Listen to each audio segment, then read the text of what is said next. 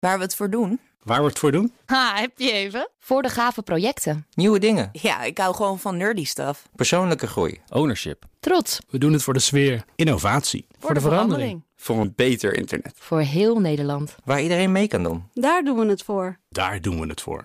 Waar doe jij het voor? Kom werken voor KPN en groei op jouw manier. Check de actuele vacatures op het gebied van data, security, development en networking op jobs.kpn.com/tech. De Nationale Autoshow wordt mede mogelijk gemaakt door Leaseplan. Leaseplan. What's next? BNR Nieuwsradio. De Nationale Autoshow. Meindert en Nout. Het Solar Team Eindhoven flikt het gewoon weer. Hun nieuwste creatie, ja, eigenlijk een soort huis dat op zonne-energie rijdt. Talk of the town. Je vindt het mooi of lelijk. Dit weekend gaat hij in ieder geval de weg op. Ja, spannend. En eh, de hele autosportwereld keek rijkhalzend uit naar de documentaire over Michael Schumacher. Hij staat op Netflix en we spreken zometeen voormalig Formule 1-coureur Christian Albers. Heb jij al gekeken? Ik heb hem gezien. Ik ook. Beetje teleurgesteld. Ja? Ja, maar daar hebben we het Oké, wel over. goed. Nederlandse ontwerper Stefan Scholten die komt eh, langs in de studio. Hij is betrokken bij een heel bijzonder Italiaans autoproject. Klopt, kunnen we nog niet te veel over vertellen. Oké, nou ja, goed. Eerst gaan we wel praten met eh, Jan-Peter Balkenende, de oud-premier... en juryvoorzitter van de Automotive Innovation Award. Welkom in de uitzending. Ja, eh, leuk eh, jullie te spreken weer. Insgelijks. eh, en, en natuurlijk ook groot Formule 1-fan, hè? Heeft u de Ja. documentaire al gekeken? Nee, nog niet, maar ik heb wel de nodige dingen over gehoord. Maar ik hoop dat tijd wat te vinden. Kijk er naar uit. Ja, het is wel twee uur lang, dus Ja, ja, je, moet, ja, je moet ja. de tijd maar even vinden ervoor.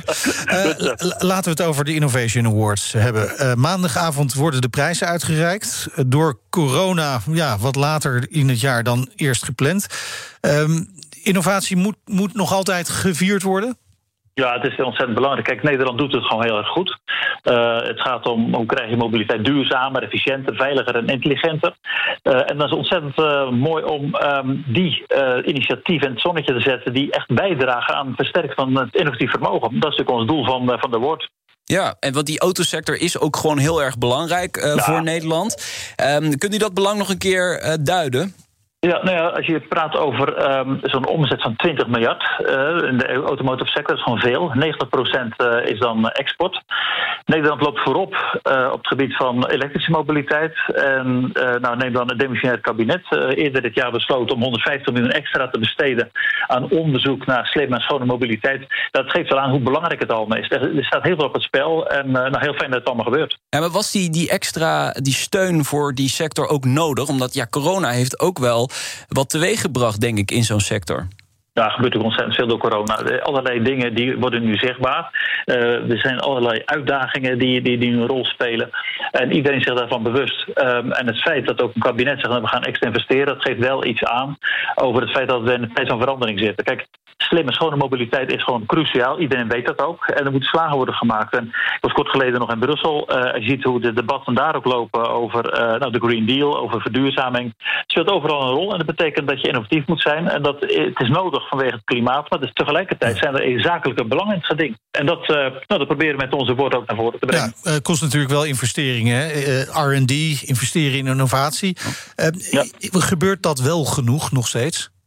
Nou, als ik zie, kijk, in Nederland zelf, als je kijkt wat we feitelijk eh, doen op het gebied van kennisvergroting, universiteiten doen gewoon heel goed werk. Eh, onze ingenieurs die ben je over de hele wereld.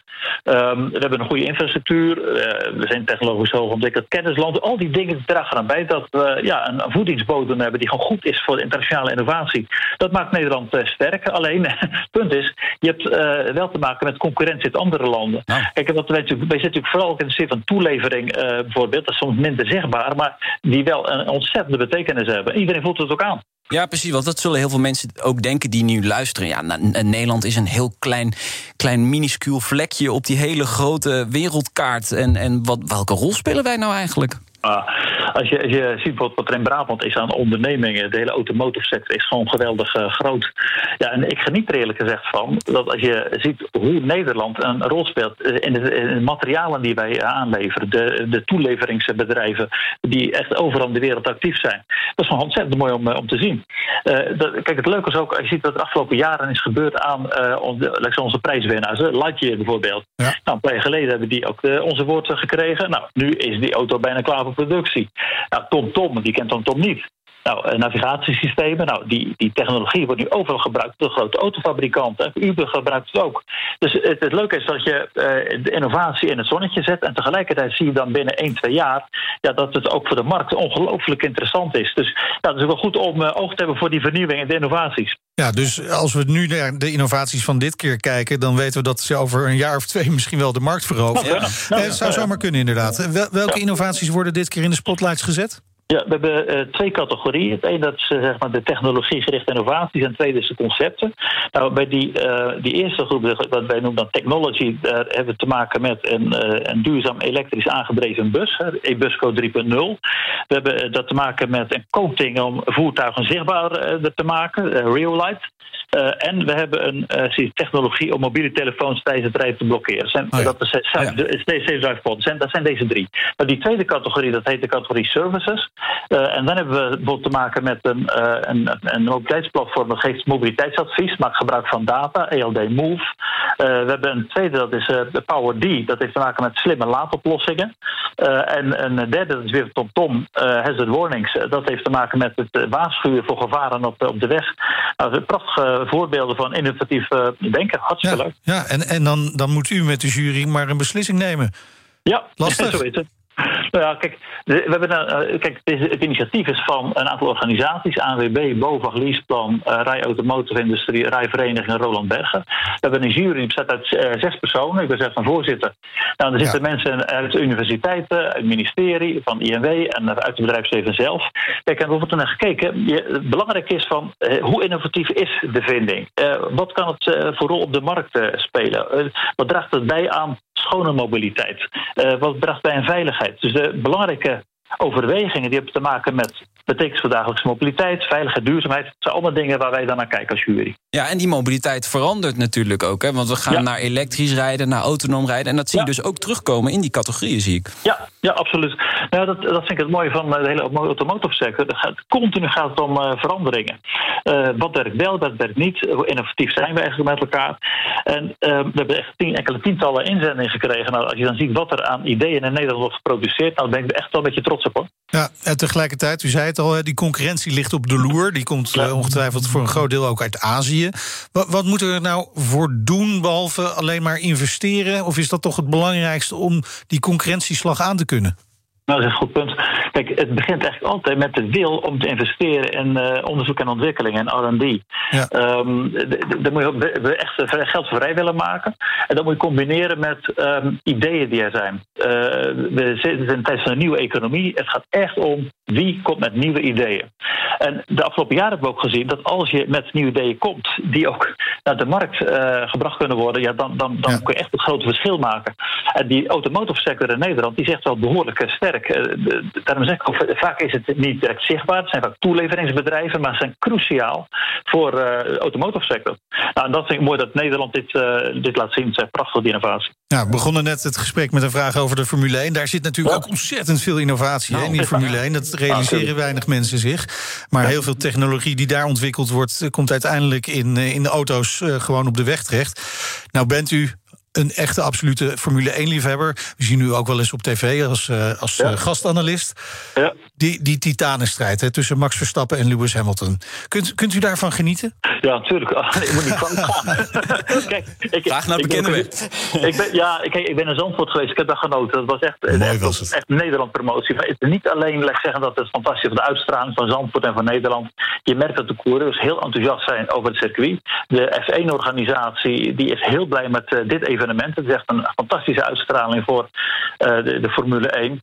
Uh, en dit was ook een prachtige uitslag. Maar goed, we hebben natuurlijk uh, nu meegemaakt in Silverstone, waar het niet echt fijn liep. En zeker niet voor Max. Het Nee, was, was nee. een, een nare toestand. Nou, de laatste Grand Prix was ook weer geen, geen pretje, zullen we maar zeggen. Maar het, je, je, je merkt, die twee coureurs zijn elkaar gewaagd. Dus het zal nog hoop spannende races op, opleveren. En uiteraard hoop ik dat Max het langs eind gaat trekken. Ja, pa- past dit al bij, bij historische uh, racelegendes die we, die we kennen, die ook de strijd met elkaar aangingen? Zou u daar ook in, in willen passen? Nou, ik, eh, langzaam dan begint het wel dat karakter Ja, te krijgen. Kijk, Ja. want het is zo dat eh, Hamilton is gewoon evident een goede coureur. Eh, jarenlang wereldkampioen, een fantastische rijder. Max is natuurlijk een stuk jonger, maar die heeft de afgelopen jaren ook laten zien dat hij heel veel kan. Alleen nu heeft hij goed materiaal. Nou, die twee die zijn aan elkaar gewaagd. En nou, die, wereldwijd wordt natuurlijk gekeken naar de strijd tussen deze twee. Dus dit wordt echt, denk ik, eh, smullen voor de autosportliefhebbers. Ik denk wel, zolang er geen gewonden vallen, blijft het leuk. Maar eh, het, het is wel echt heel op de scherp van de snee. Hè, Nou ja, dat moment. is ook zo. Ja, kijk, dat, wat, wat er nu dit, eh, de laatste Grand Prix gebeurde, was gewoon echt, echt naar. En Silverstone, was zelfs nog gevaarlijk ook, want eh, Max moest de controle wel naar het ziekenhuis. Kijk, dat soort dingen moet je gewoon niet hebben. Het moet sportief blijven, dat jullie gelijk in. Ja. Ja, maar dat hoort ook wel weer bij die titanenstrijd. Dat het ook een Ja. beetje, ja, ze kijken elkaar eigenlijk bijna niet meer aan. Ze geven elkaar alleen nog een box. Nu is dat in coronatijd eh, wel eh, gangbaar, maar, maar toch. Ja, kijk, ik, ach, ik begrijp het wel. Ze zijn allebei zeer competitief. Eh, en kijk, de afgelopen jaren was het natuurlijk... Ja, voor iemand als Hamilton met een uitstekende de auto, die Mercedes... Ja, wel te doen. Ja. Eh, nu is het ineens een totaal andere werkelijkheid. En we hebben eerst gezien, het was echt gezeur over eh, wat, bijna juridische dingen. Wat gebeurt er Ja. met de vleugel van Ja. de auto en enfin, dat soort dingen. En, en, en ze hebben de, de tijden voor de, voor de bandenwissels. Nou, kijk, dan heb je dat soort eh, dingen. En, en daarna krijg je nog een vaste strijd. Dus je merkt, het is aan alle kanten gisteren op het ogenblik. En we zullen het zien. Ik hoop wel dat, Ja. dat jullie zeggen wel sportief blijft. want aan ongeluk heeft niemand wat. Maar goed, het, het wordt een, echt een hele spannende tijd. Dat staat wel vast. Ja. En als u de glazen bol erbij pakt, wie eh, pakt de titel? Ik heb een hele goede hoop voor, eh, voor Max. En dat zit hem in de kwaliteit van de auto. En hij is zo gebrand op, eh, op succes. Ja. En hij staat nog steeds voorop, dus laat vooral zo houden. Drie punten voor, hè? Wat Ja. is het? Vijf punten. Vijf mij punten drie. zie. Vijf punten, ja. Nee, vijf ja. Ja, precies, dat is het. Dank Jan-Peter Balkenende, oud-premier en juryvoorzitter van de Automotive Innovation Awards. Maandagavond worden die dus uitgereikt. Dus moeite waard om daar eh, naar te gaan kijken wat daaruit komt. Want dat zijn echt, echt grote innovaties. Ik ben echt eh, benieuwd. Maandag weten we meer. Maar we gaan nu eerst door met I got such a strong impression of how hard Michael was willing to work. What Schumacher achieved was absolutely incredible. You're looking good. It's looking good. It's looking fantastic, Michael. Well done. Ja, de lang verwachte documentaire over Michael Schumacher verscheen deze week op Netflix. We gaan erover praten met Christian Albers, voormalig Formule 1-coureur, analist bij de Telegraaf, ondernemer. Welkom in de uitzending, Christian. Ja, He- heb, je, heb je al gekeken? Ik neem aan van wel. Ja, ik heb, eh, ik heb gekeken. Ik wist dat jullie gingen bellen natuurlijk. Dus ik heb gisteravond heel eventjes snel gekeken. Maar ja, het, ja, het is eh, ja, geweldig, moet je eerlijk zeggen. Mooie, eh, mooie documentaire. Christian. We kennen je als een eh, zeer kritische man. Dus er zal vast ook wel iets op eh, de documentaire aan te merken zijn, of niet? Ja, het moeilijke daarvan is natuurlijk... voor mij was het ook echt... Michael Schumacher was voor mij echt ook echt een hero, weet je wel. Dus ja, ik keek er heel erg nou, ja, tegenop. En ehm, ja, hij was gewoon, gewoon perfect bijna. Tot, tot, tot op de puntjes toe. En als je dan zo'n documentaire ziet... Ja, ik ik moet je eerlijk zeggen, ik vond het ook wel mooi. En ik hoor ook dat mensen ook, eigenlijk ook weer teleurgesteld zijn. Waarom zien we nou niet op het laatste hoe het met Michael gaat? En dat was het mooie van Michael Schumacher, was dat... Hij had echt de, de sportkant, ja, en privé, dat, dat was echt totaal gescheiden van elkaar. En dat, dat vind ik zo mooi ook. En dat is ook eigenlijk een beetje stommig van mensen dat ze dan verwachten dat ze iets van Michael gaan zien, terwijl die eigenlijk nooit zo is geweest. Omdat hij altijd dat privé inderdaad erbuiten heeft Ja, gehouden. Ja, ja. dat heeft hij altijd gescheiden. En nu doet zijn familie, zijn gezin dat nog steeds. Dat is inderdaad wel mooi. En, en, en precies wat je zegt, hè, dat perfecte, dat, dat beeld, dat- hadden we natuurlijk al van eh, Schumacher. Dat hij, dat hij tot in de puntjes alles regelde. En, en dat komt zo duidelijk naar voren in die documentaire. Ja, Michael was gewoon echt een, eh, een vechter. Dus het was niet alleen een natuurtalent, maar hij had ook gewoon echt een doorzettingsvermogen. Dat was, eh, dat was ongekend. En als je kijkt eh, ook naar de documentaire, is wel leuk om te laten zien. Want dat zien natuurlijk de mensen nooit. Dus natuurlijk, die zien altijd alleen maar een Grand Prix. En die zien alleen maar de training en de kwalificatie en de race. En dan is het klaar, dan doen wij de televisie uit.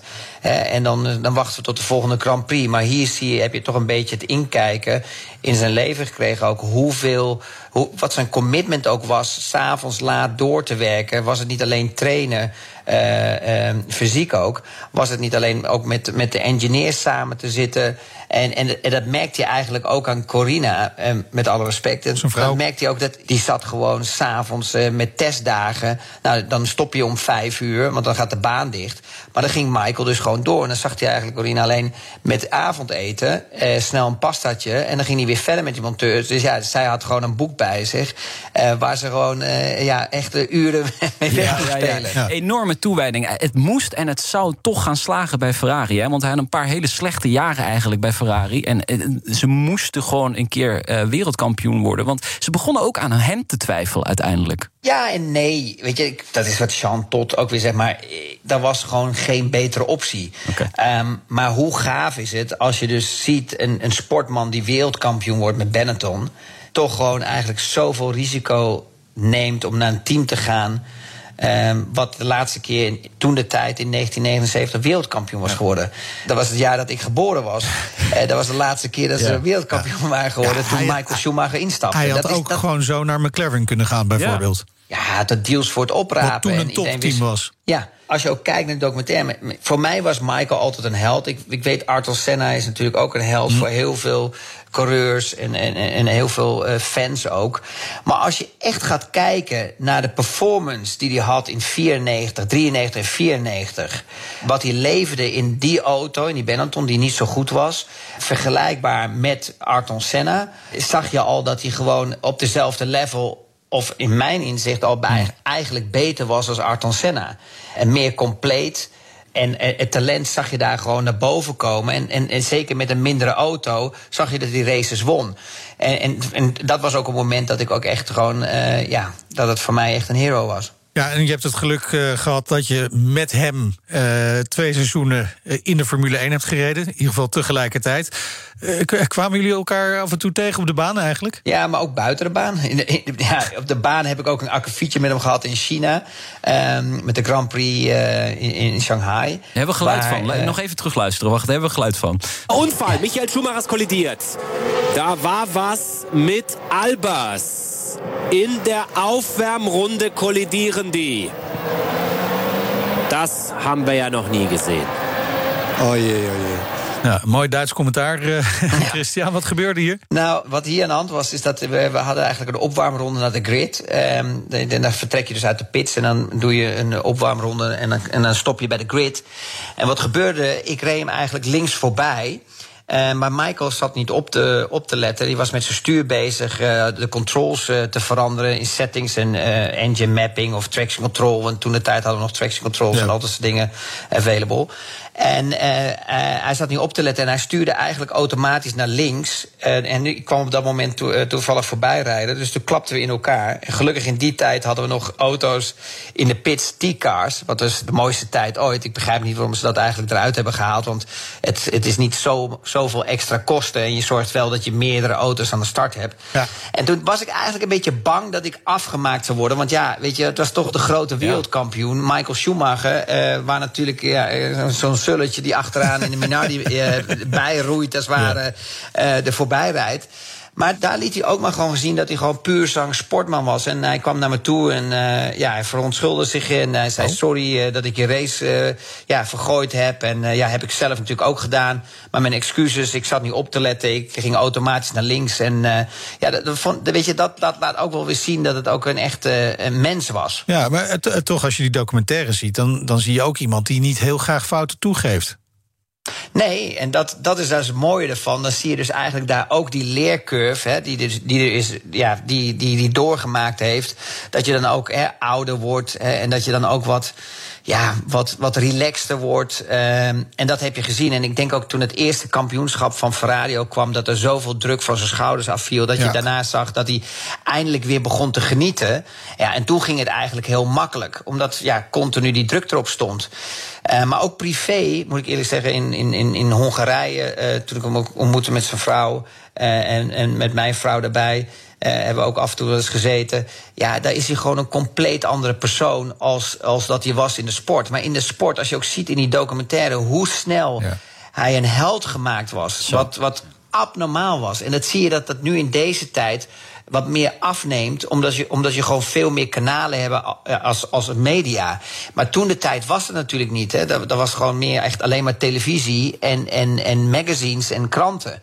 Maar het was, die kon niet eens normaal over straat lopen. Maar wat maakte hem nu als coureur zo goed? Hij kon precies op het limiet rijden. Dus hij, kon een, hij, hij zorgde ervoor dat hij er niet overheen ging. Ja. En hij zorgde dat hij er altijd tegen het limiet van de auto aan zat. En wat de unieke combinatie was, was natuurtalent, de vechtlust en het, eh, eh, het menselijke erbij om zo'n team te vormen. Voor iedereen was bij hem hetzelfde. Of je nou de CEO was of de baas van Ferrari.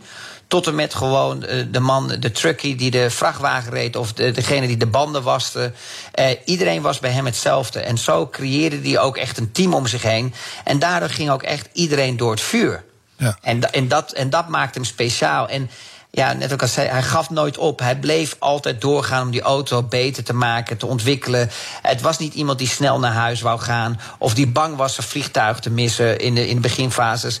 Ja, en dat, en dat heeft hem gemaakt natuurlijk. eh, ja, waar hij ja, tot nog Ja. steeds tot, Ja, en, en, vandaag. een, een van de mooiste quotes, die vond ik eigenlijk in het begin van de documentaire zitten, waarin hij zegt eh, dat hij de, de limiet opzoekt van die auto. En dat is nooit erover, nooit eronder. Hè, perfectie opzoeken. En dat is goed voor de auto en goed voor mij. Ja. Eh, Bijna Ja, alsof die auto ook een soort persoon is. Verlengstuk. Ja. Wat ik het mooie vind van deze documentaire is dat je nu een keer de andere kant ziet van Michael Schumacher. En je gaat nu een beetje de richting op dat we natuurlijk al die jaren al hebben gehad bij Ayrton Senna. Ja. En dat was nooit echt bekend van Michael Schumacher. En nu zie je eigenlijk pas wat, van, ja, wat een ster het was. En, en dat merk je ook eigenlijk als je ziet hoe, hoe dit gefilmd is met zijn familie. Die twee verschillende levens. En je ziet gewoon, je hebt gewoon echt, ja, eh, Michael Jordan. En het allerspeciaalste, ja, ik weet dat ik geen reclame mag ma- maken, maar Ja, ja, ja. het allerspeciaalste was natuurlijk Michael Schumacher, ja, die gesponsord werd, eh, schoenen door Nike. Dat zegt wel eigenlijk Zegt genoeg Ja, in de wereld. Ja, ja, ja. Toch, toch vonden ook een hoop mensen hem onsympathiek. Begrijp je dat? Ja, maar ik denk als je echt gewoon puur zang sportman bent, eh, dan ben je al snel eh, onsportief. En eh, laten we eens eerlijk zijn, als we vandaag kijken naar de situatie vandaag tussen Lewis Hamilton en Max Ja. Verstappen, is Lewis Hamilton nu ook zevenvoudig wereldkampioen.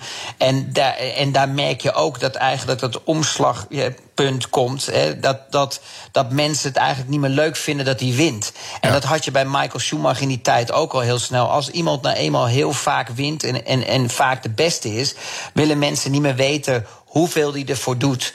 En mensen hebben gewoon snel al een mening. En, en dan krijg je al snel een soort bepaalde misgunning. Behalve van degenen die echt eh, puur zang fan zijn en die het als, als held zien. Toen jij de Formule 1 inkwam, was Schumacher natuurlijk al de grote man. Ke- Keek hij een beetje, een beetje om naar de jonkies? Ja, hij was heel relaxed. De- je kon altijd alles vragen aan hem. Ik weet nog zelfs dat hij voor mij, mij nog eens geholpen hebt qua eh, eh, fiscaliteit.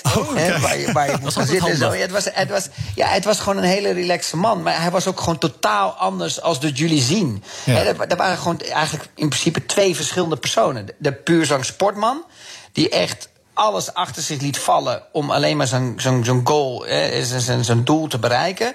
En dan had je Michael Privé ook. Ja, dat, dat zie je eigenlijk ook in een documentaire, waar hij dus gewoon eigenlijk gewoon echt kon gaan drinken en dat hij een feestje kon vieren. Dus hij had die combinatie gewoon goed voor elkaar. Je hebt nu tegenwoordig ook echt sporters die echt naar het hele excentrieke gaan, maar gewoon dat, dat ze doordraaien van dat ze helemaal niks meer mogen. En ik denk dat dat ook niet goed is. Ik denk dat je ook af en toe je moet zelf moet laten gaan om ook weer stoom af te blazen, om daar nou ook weer te respecteren hè, voor wat je ervoor doet en voor laat. En dat deed hij, hè? in het zwembad springen, eh, als laatste het Ja. licht uitdoen. Ja, dat is wel echt iets Duits hoor. Want ik kan me, ik kan me nog herinneren dat ik bij Mercedes onder contract stond. Eh, bij Daimler in Stuttgart. En dat was ook altijd, dan voerden ze je altijd dronken. En ze gooiden je altijd in het zwembad. Dat is, dat is echt iets eh, eh, ja, Duits. Mooi, mooi cultuurlesje nog even. Dankjewel, Christian Albers. Voormalig Formule 1-coureur, analist bij de Telegraaf. Ja, maakt ook een podcast hè, over Formule 1. Moeten we niet, eh, niet vergeten om even te benoemen. En zometeen. Het Solarteam Eindhoven over de Stella Vita. Een rijdend huis op zonne-energie. Heel bijzonder. Ja, wel echt iets anders dan de Formule 1. En ontwerper Stefan Schulte, Scholte en ontwerper Stefan Scholte vertelt over een bijzonder Italiaans autoproject. Tot zometeen. Ook Diana Matroos vind je in de BNR-app. Ja, inderdaad. Je kunt live naar mij luisteren tijdens de Big Five. Ook handig in de BNR-app. Breaking nieuwsmeldingen, maar ook het allerlaatste zakelijke nieuws. En je vindt in de app alle BNR-podcasts, waaronder Wetenschap Vandaag. Download nu de gratis BNR-app en blijf scherp. BNR Nieuwsradio. De Nationale Autoshow. Meindert en Nout.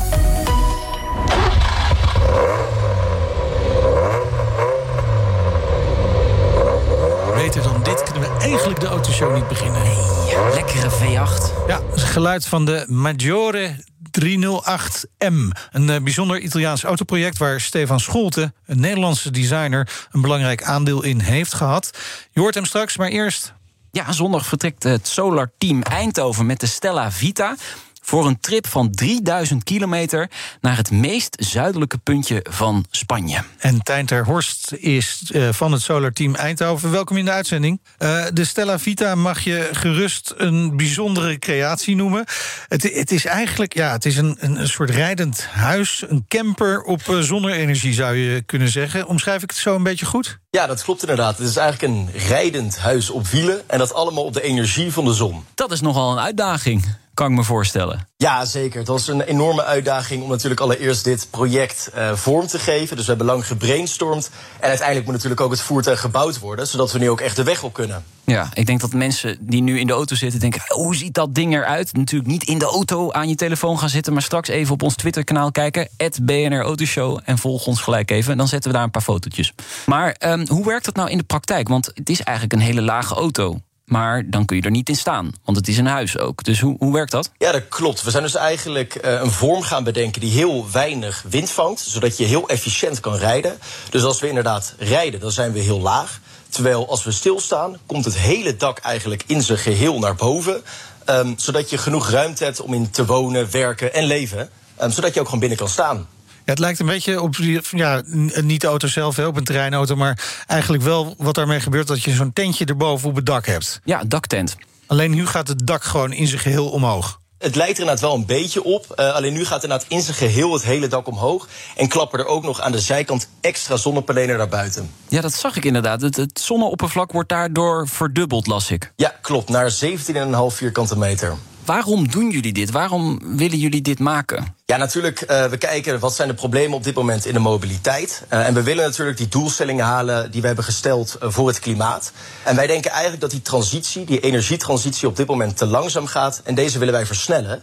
En door het maken van ja, innovatieve en energie-efficiënte zonnevoertuigen willen wij de markt en maatschappij inspireren om deze transitie te versnellen. Maar in principe hoef je niet te wonen en te leven in je auto, toch? Nee, het hoeft niet. Uh, maar met Stella Vita is dat wel mogelijk. Oké, okay, ja. willen jullie dan ook het woningprobleem gaan oplossen hiermee? Want het is een soort tiny ja. house, hè? Zo. Nee, het is inderdaad, je kan het vergelijken met een tiny house. Uh, maar dat is niet uh, de grootste reden dat we dit voertuig hebben gebouwd. Nee. We hebben het echt vooral ingericht op de mobiliteit.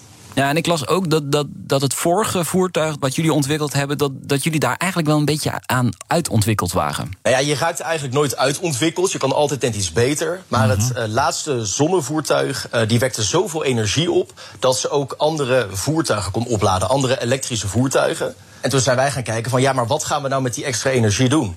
En toen zijn we gaan bedenken, nou, dan gaan we ervan leven. En vandaar dus het concept een zelfvoorzienend okay. huisje op wielen. Maar, maar dat betekent dus ook dat je van alles erin kunt doen. Koken, douchen, weet ik het. Is dat inderdaad allemaal mogelijk? Zeker weten. Ja, je, je hebt eigenlijk het hele interieur tot je beschikking. Dus inderdaad een koelkast, je kan koken, een bed. Uh, ja, eigenlijk alles om lekker te leven. Ik vind het echt briljant. maar, maar dan moet je wel genoeg energie opwekken om en te kunnen rijden en ook om te kunnen leven. Zeker weten. En daarvoor heb je dus die zonnepanelen. Um, ja, ja 17,5 vierkante meter is gewoon heel erg veel. Ja, maar ik kijk nu naar buiten. Het is um, bewolkt, dus, dus er is niet heel veel zon vandaag. Dus uh, je moet wel genoeg zon hebben. Ja, dat zeker weten. Dus we gaan ook, uh, je kan ook gewoon lekker stilstaan, genieten van de reis. Mocht het nou echt heel slecht weer zijn, twee weken lang... Uh, dan kan je hem altijd, net zoals een elektrische auto, gewoon in de laadpaal stoppen. Maar ja, daar gaan we natuurlijk niet van uit. Nee, precies. Dus er ligt ook een accu in de auto. Ja, de zonnepanelen die slaan eigenlijk de energie op in een accu. Mm -hmm. En die kan je daarna gewoon verbruiken voor dus of leven of rijden. Ja. Uh, bij, die, bij die zonneauto's gaat het natuurlijk allemaal om efficiëntie. Hè? Je zei net al, met het vorige model waren jullie zo efficiënt dat je gewoon te veel zonne-energie eigenlijk opwekte. Eh, Wat hebben jullie nog aan dit voertuig aangepast om hem nog efficiënter te krijgen? Ja, dat heeft eigenlijk vooral te maken met uh, de vorm van de auto. Ja. Dus ja, we zijn eigenlijk een standaard camper, om het dan toch even te noemen. Ja. Is best wel groot. Uh, die heeft heel veel luchtweerstand. En als wij rijden, lijken we eigenlijk een beetje op een waterdruppel. Dus dat Ja. is heel aerodynamisch. En daarnaast zijn we ook gewoon heel erg licht. Want je kan je voorstellen, als je heel veel massa moet verplaatsen, kost dat meer energie. Dus hoe lichter je bent, ja, hoe minder energie je toch gebruikt. Ja, en ik zie ook dat de achterwielen die zijn eigenlijk eh, verdwenen in de carrosserie. Hè? Die zie je niet. Ja, klopt. Dus dat heeft alles te maken met de aerodynamica. Dus de achterwielen zijn ook iets meer naar binnen. Gaat hij een beetje hard? Nou, hij heeft een topsnelheid van 120 km per uur. Oh, kijk aan. En hoe ja, ver dat is een flinke snelheid. En hoe ver kom je? Ja, op een zonnige dag kunnen we wel 730 kilometer rijden. Op een zonnige dag. En als het niet zonnig is? 600 kilometer. En hij mag de weg op. Was het een uitdaging om die goedkeuring te krijgen? Ja, natuurlijk is dat een grote uitdaging. Ehm, dat doe je namelijk bij de RDW en die stelt strenge eisen. Wat natuurlijk heel goed is, want het moet veilig zijn om op de weg te gaan. Maar dat maakt het ook heel interessant van, ja, hoe moet je dan de gordels bevestigen? En zo ga je heel erg goed nadenken over waar alles gepositioneerd moet worden.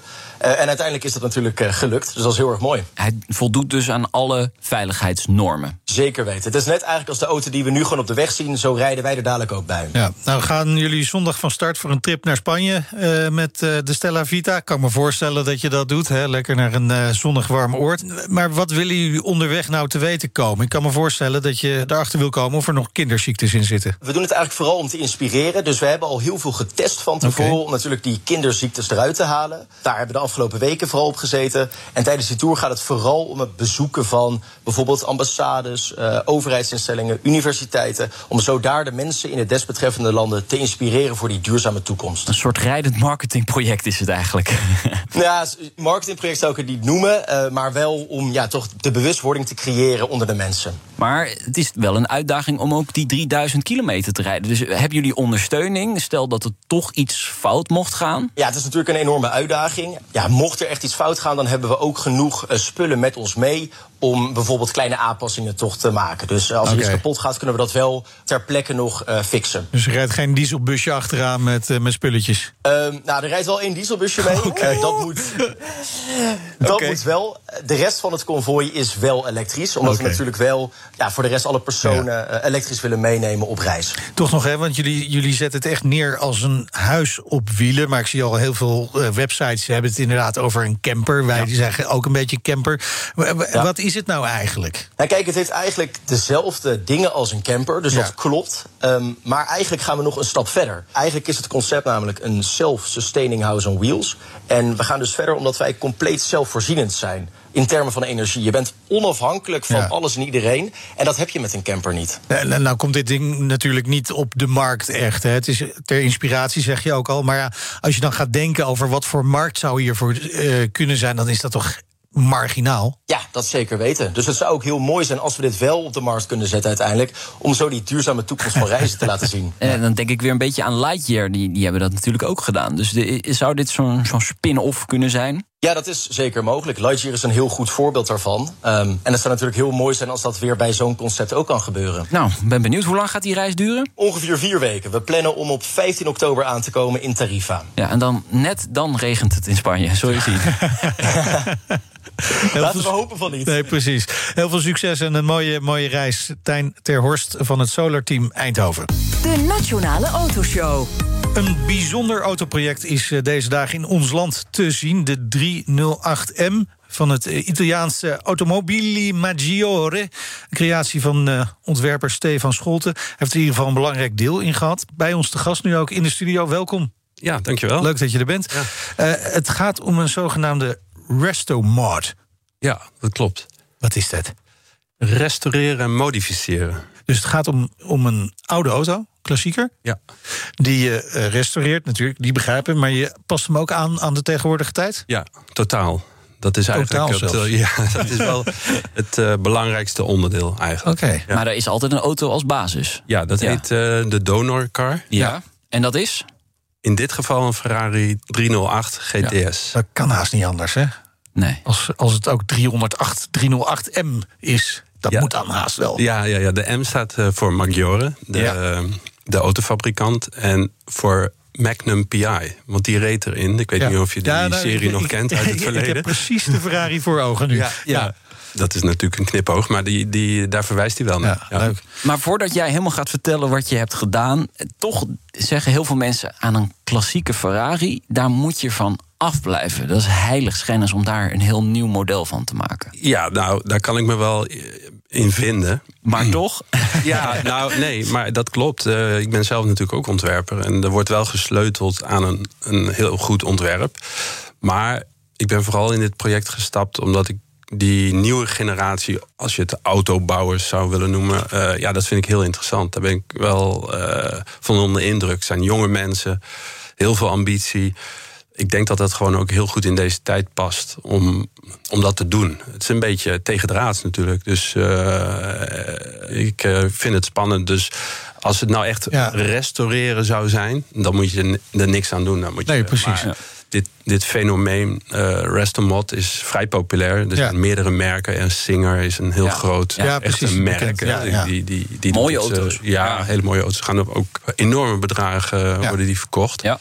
Dan gaat het om Porsches natuurlijk bij, bij Singer. Maar je zou kunnen zeggen, hè, voor die eh, nieuwe generatie ontwerpers... ga gewoon zelf iets moois bouwen. Kom op. Ja, ja, dat klopt. Het is niet echt bouwen. Hè. Je begint, Nee, je hebt nee. een basis nodig. Eh, anders kom je denk ik als jonge autofabrikant ook niet van de grond. Eh, ik denk dat daar ook iets achter steekt. Van je, je begint eigenlijk met...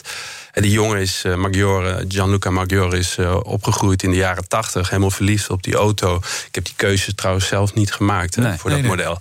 Eh, dat is vanuit hem eh, zo ontstaan. En eh, ja, daarop voorbeduurd. Als je nu naar dat model kijkt, prachtige auto. Maar in deze tijd voldoet hij gewoon niet. Al levensgevaarlijk. Ja, het is nu ook. Want er is heel veel vermogen in. Hij is nog steeds levensgevaarlijk. Maar eh, hij is helemaal naar het nu getrokken. Eh, natuurlijk gewoon LED-verlichting. Klinkt heel simpel. Maar eh, daar, om maar even mee te... be- Ja, en eh, eh, eh, alle techniek. Die hele motor is van nieuwe technieken voorzien. Dus nog wel de originele Ferrari-motor natuurlijk. Oké. We hebben geluid, hè? Misschien kunnen we iets laten horen.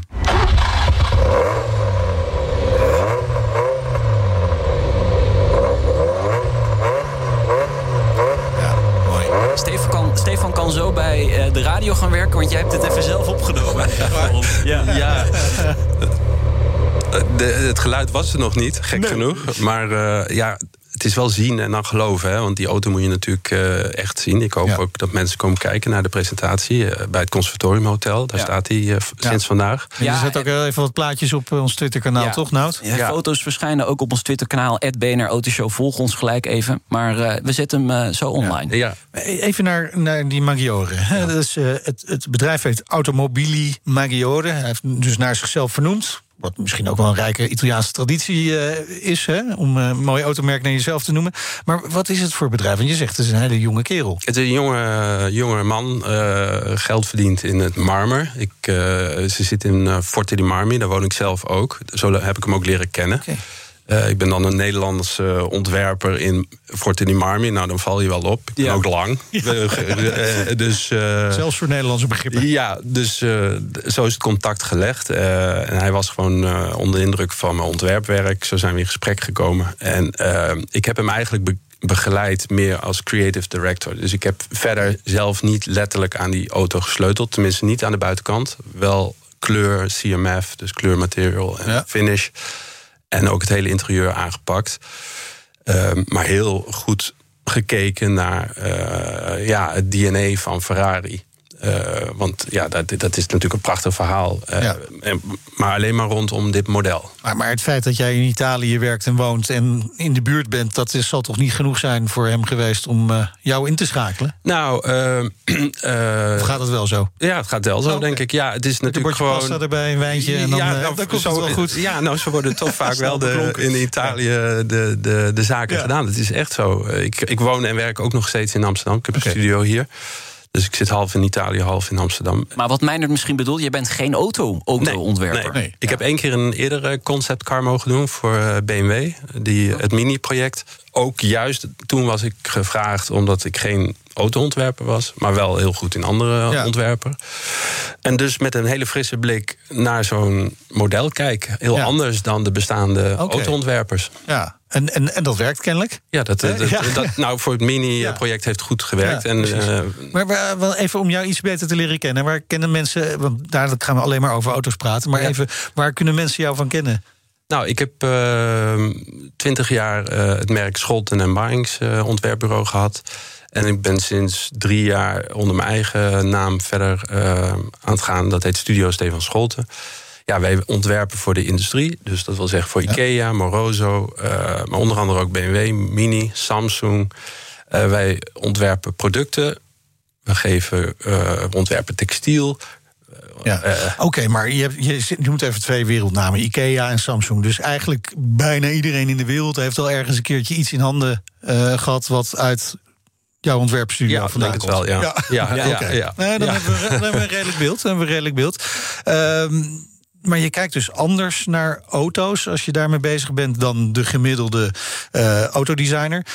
Als we dan kijken naar deze eh 308M, wat heb je allemaal gedaan? Nou, we hebben hem eh, vooral eh, aan de buitenkant iets uitgebouwd. Ook aan de voorkant.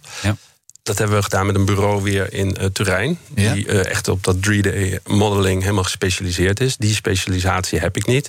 Ik kan wel 3D modellen. mo- eh, Een stoel, Ja. een, lamp. Maar een auto, dat is echt compleet iets anders. Dat is heel ingewikkeld. Heel, heb je ook zware apparatuur voor nodig. Nou, dat bureau heeft dat gedeelte gedaan. Zware apparatuur als in zijn de, de computers, die al programma's. moeten dat allemaal kunnen renderen ja, natuurlijk. Ja, ja. Dus eh, daar heb ik echt als, meer als creative director gekeken van... nou, hier ga je echt te ver. Want eh, we zijn ons wel degelijk bewust dat je dus met een klassiek model aan de, aan de gang bent. Hè. En daar wordt ook echt met respect nou, eh, mee omgegaan. Eh, en dat heb ik bewaakt, dat stuk. Ja, nee, ik heb de foto's gezien. Dat is ook wel gelukt. Hè? Want het is, het is niet een of andere kermis geworden. Nee, absoluut niet. Nee, De, nee. de, de, de- de originele auto is in ieder geval nog wel herkenbaar. Ja, absoluut. Ja. Sommige mensen vinden hem ook mooier dan het origineel. Dat is ook altijd een goed teken. Ja, Dat, is een, dat is een compliment. Dat heb ik echt ook echt veel gehoord. Dat, eh, maar natuurlijk ook gewoon mensen die zeggen: blijf er vanaf. Dat, Ja. eh, Ja, ja, jullie ja. begonnen Ja. ermee. Maar, Ja, ja, dat, ja. maar dat, is mooi, dat maakt wat los. Dat Ja, is altijd absoluut. goed. Ja, maar jij bent dus echt vooral voor het interieur aan de gang gegaan. Nou, Nou, de- dat hele interieur opnieuw ontworpen. Nou, we zijn begonnen met de kleur. Want eh, ik ben eh, colorist. Eh, Dat is zeg maar de specialiteit van ons bureau. Daar worden we ook vaak door, onder andere voor Samsung, door ingeschakeld. En Ferrari rood is natuurlijk prachtig. Maar uit die tijd is het een hele, ik zeg geen brandweerrood, maar het is een, een behoorlijk eh ingekakte eh, d- d- rood. Ja. Dus wij wilden er echt iets. Het was juist een beetje saai. Ik vond het Ja. heel vrij. Ik vind het een vrij saai rood, dat model. Ja. Dus eh, daar hebben we een, ehm, een, een, een nieuwe kleur aan toegevoegd. En die heet dan, eh, nu heet die Sunset Forte di Marmi. Maar het is een hele mooie, briljante rood. Ik kan het niet, eh, hij is ook heel moeilijk te fotograferen. Oh, dat is wel weer lastig. Nee, hij, hij pakt hem wel, maar Oh, hij is gewoon heel briljant. Dus hij heeft een soort wisselwerking tussen heel, heel fel en soms heel eh, terughoudend.